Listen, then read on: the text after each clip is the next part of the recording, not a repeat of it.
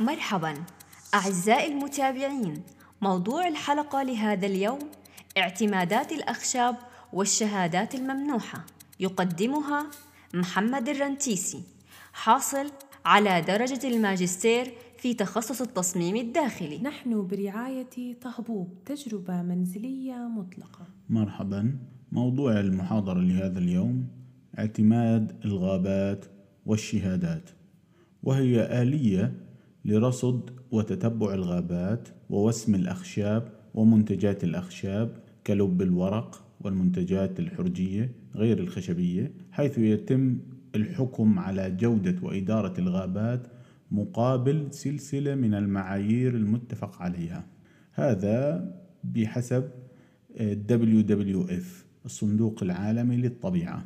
في البداية يتم أولا اعتماد الغابات آه، ثم تسجيلها والبدء بعمليات الإنتاج حيث يتم تسجيل كافة الجذوع من الغابات المعتمدة والمسجلة والمرخصة بشكل قانوني ضمن الصندوق العالمي للطبيعة WWF وهناك منظمة منبثقة عن هذا الصندوق وهي ال FSC تقوم بتسجيل كافة الغابات التي تنتج الأشجار حتى يصبح الموضوع قانوني وعدم التعدي على الثروات الحرجية. ثم يتم نقل الجذوع إلى مصانع الأخشاب. هناك تتم عمليات القص والمعالجة.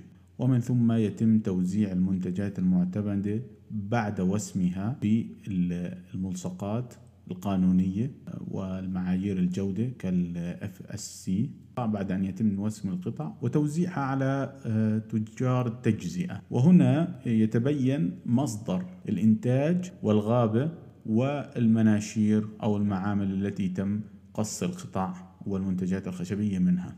وتصبح موسومة حتى يتم تداولها بشكل قانوني. منظمة آه، رعاية الغابات FSC والذي تم تشكيلها في عام 1993 في أعقاب قمة الأرض في آه، ريو دي جينيرو. أقرها الصندوق العالمي للطبيعة والسلام الأخضر اللي هو WWF تقوم المنظمات بكتابة معايير الغابات وكذلك تصادق على الخطط الوطنية المعمول بها مثل ال UKWAS ال UK Woodland Assurance Standard معيار ضمان آه، الأخشاب الطبيعية في المملكة المتحدة. تم اعتماد أكثر من 183 مليون هكتار وفقا لمبادئ ومعايير ال FSC أكثر من 80 دولة قامت بالمشاركة بهذا الاعتماد موزع على 183 مليون هكتار في عام 1999 تأسس برنامج اعتماد مخطط إصدار شهادات للغابات ال PEFC وهذا النظام يقر ويعترف بأنظمة الشهادات العالمية للغابات الوطنية مثل فنلندا وكندا والمملكة المتحدة وأوروبا.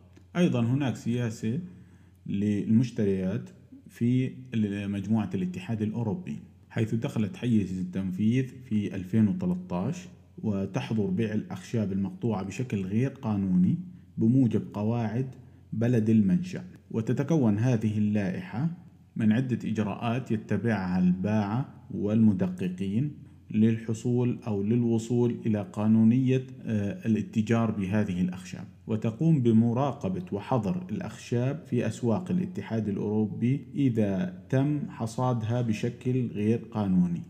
وذلك من إيجاد تعريفات معينة اللي هي الأوبريتر وهو المشغل يقوم بإنتاج وقطع الأخشاب وإدراجها في الاتحاد الأوروبي لأول مرة ويجب تنفيذ وتطبيق كافة ممارسات نظام الصيانة الواجبة والمتبع في الاتحاد الأوروبي من حيث تقليل الأخطار آه، وتقليل مخاطر قطع الأخشاب بشكل غير قانوني.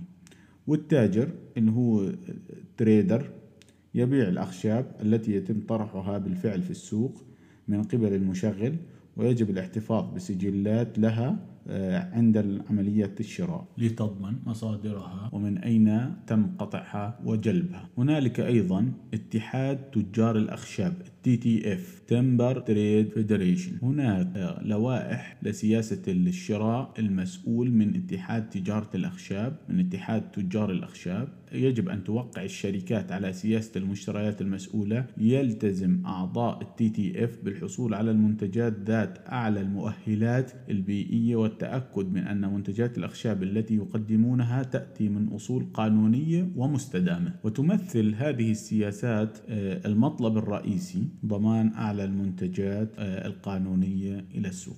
وتضمن كل هذه الإجراءات التي تقوم بها البلدان العالم لضمان الحفاظ على الثروة الحرجية في كافة دول العالم وعدم التعدي عليها واستدامة إنتاج الأخشاب اللازمة لكافة المنتجات. آه، وبهذا نختم آه، موضوع الشهادات ومعايير استدامة الأخشاب في بلدان العالم. وإلى لقاء آخر إن شاء الله.